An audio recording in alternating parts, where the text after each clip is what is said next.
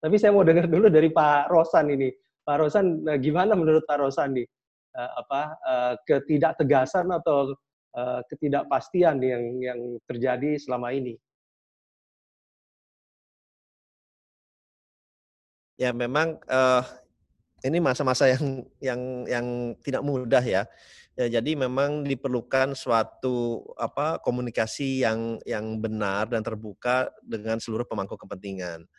Uh, seperti yang tadi Broni sampaikan, uh, mungkin kebijakannya maksudnya baik, tapi implementasinya di lapangan itu justru menjadi kontraproduktif dan itu banyak sekali yang kita lihat gitu. Tidak hanya dalam uh, hal uh, apa uh, penyakit itu sendiri, tapi di di kebijakan perekonomian pun uh, yang dikeluarkan pemerintah maksudnya baik tutup, tapi implementasi di lapangannya ternyata juga terkendala gitu uh, apa seperti mungkin saya singgung sedikit seperti apa yang oh, PP nomor 23 yang mengenai bank peserta dan bank pelaksana itu. Itu ternyata dari para bankir oh, dari asosiasinya juga menolak ternyata karena itu resikonya menjadi ada di resiko di uh, bank itu sendiri yang mestinya uh, resiko itu berada di tanggung jawabnya bukan di mereka tapi di KSSK yaitu Menteri Keuangan, BI dan OJK. Jadi uh, oleh sebab itu memang uh, kita harapannya sih pemerintah memang harus hadir dan uh, harus hadir memang harus cepat ini. Saya uh, khawatirnya kalau implementasinya ini bisa tidak bisa cepat dan ini makin berkepanjangan uh, untuk kita restart lagi ini makin berat gitu. Dan untuk UMKM karena ini saya lihat ada pertanyaan mengenai UMKM, untuk UMKM itu kan beda dengan mungkin dengan korporasi gitu. UMKM mungkin nafasnya relatif lebih pendek dari segi bertahan daripada uh, korporasi gitu. Nah, oleh sebab itu kita pun sudah minta bahwa bukan hanya di proses restrukturisasi saja untuk UMKM dan perusahaan, tapi juga memikirkan untuk memberikan capex atau nafas baru gitu.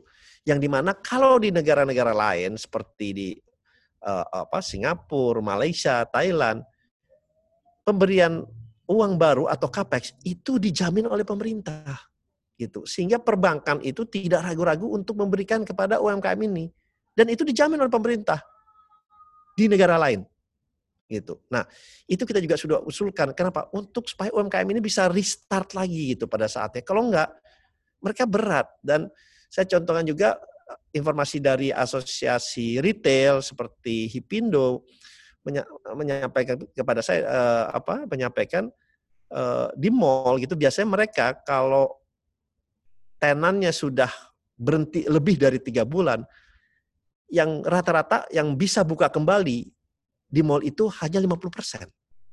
Rata-rata hanya 50 persen. Berarti itu kan mereka harus diberikan capex baru gitu uang baru dari sektor keuangan di antara sektor perbankan untuk mereka bisa jalan lagi gitu.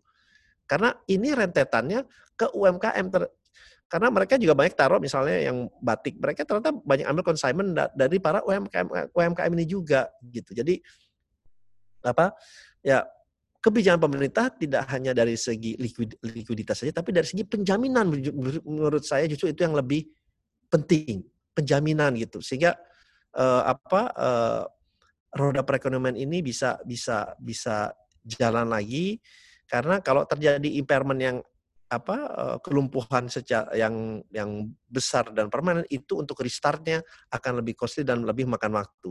Padahal kalau kita lihat mungkin sharing saja seperti negara-negara Amerika, Jepang, Eropa itu sudah membuat keputusan bahwa mereka akan keluar dari investasi di Cina perusahaannya besar-besaran.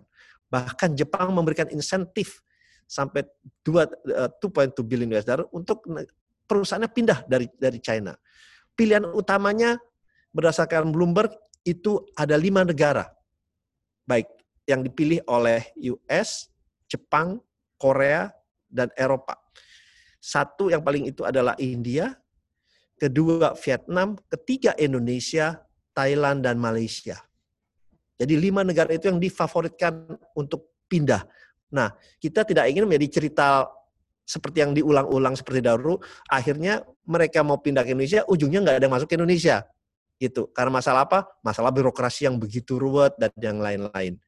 Nah, ini kesempatan kita juga untuk kita bisa menangkap investasi yang ingin masuk ke Indonesia ini. Karena kenapa? Ini kita yang yang menganggur aja kurang lebih 7 juta orang. Ditambah lagi dengan pengangguran baru dari COVID itu menjadi taruhlah 15 bisa ya 15 juta orang.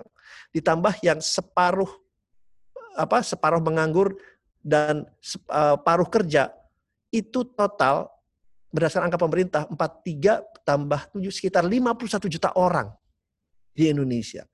Jadi kesempatan untuk apa pertama menjaga investasi yang masuk dan juga menarik investasi yang ingin keluar dari China ini besar-besaran harus kita tangkap juga dan pemerintah harus aktif untuk bisa apa eh, bersama-sama dengan dunia usaha untuk bisa menangkap peluang ini dalam rangka penyerapan tenaga kerja yang memang kita butuhkan ke depannya.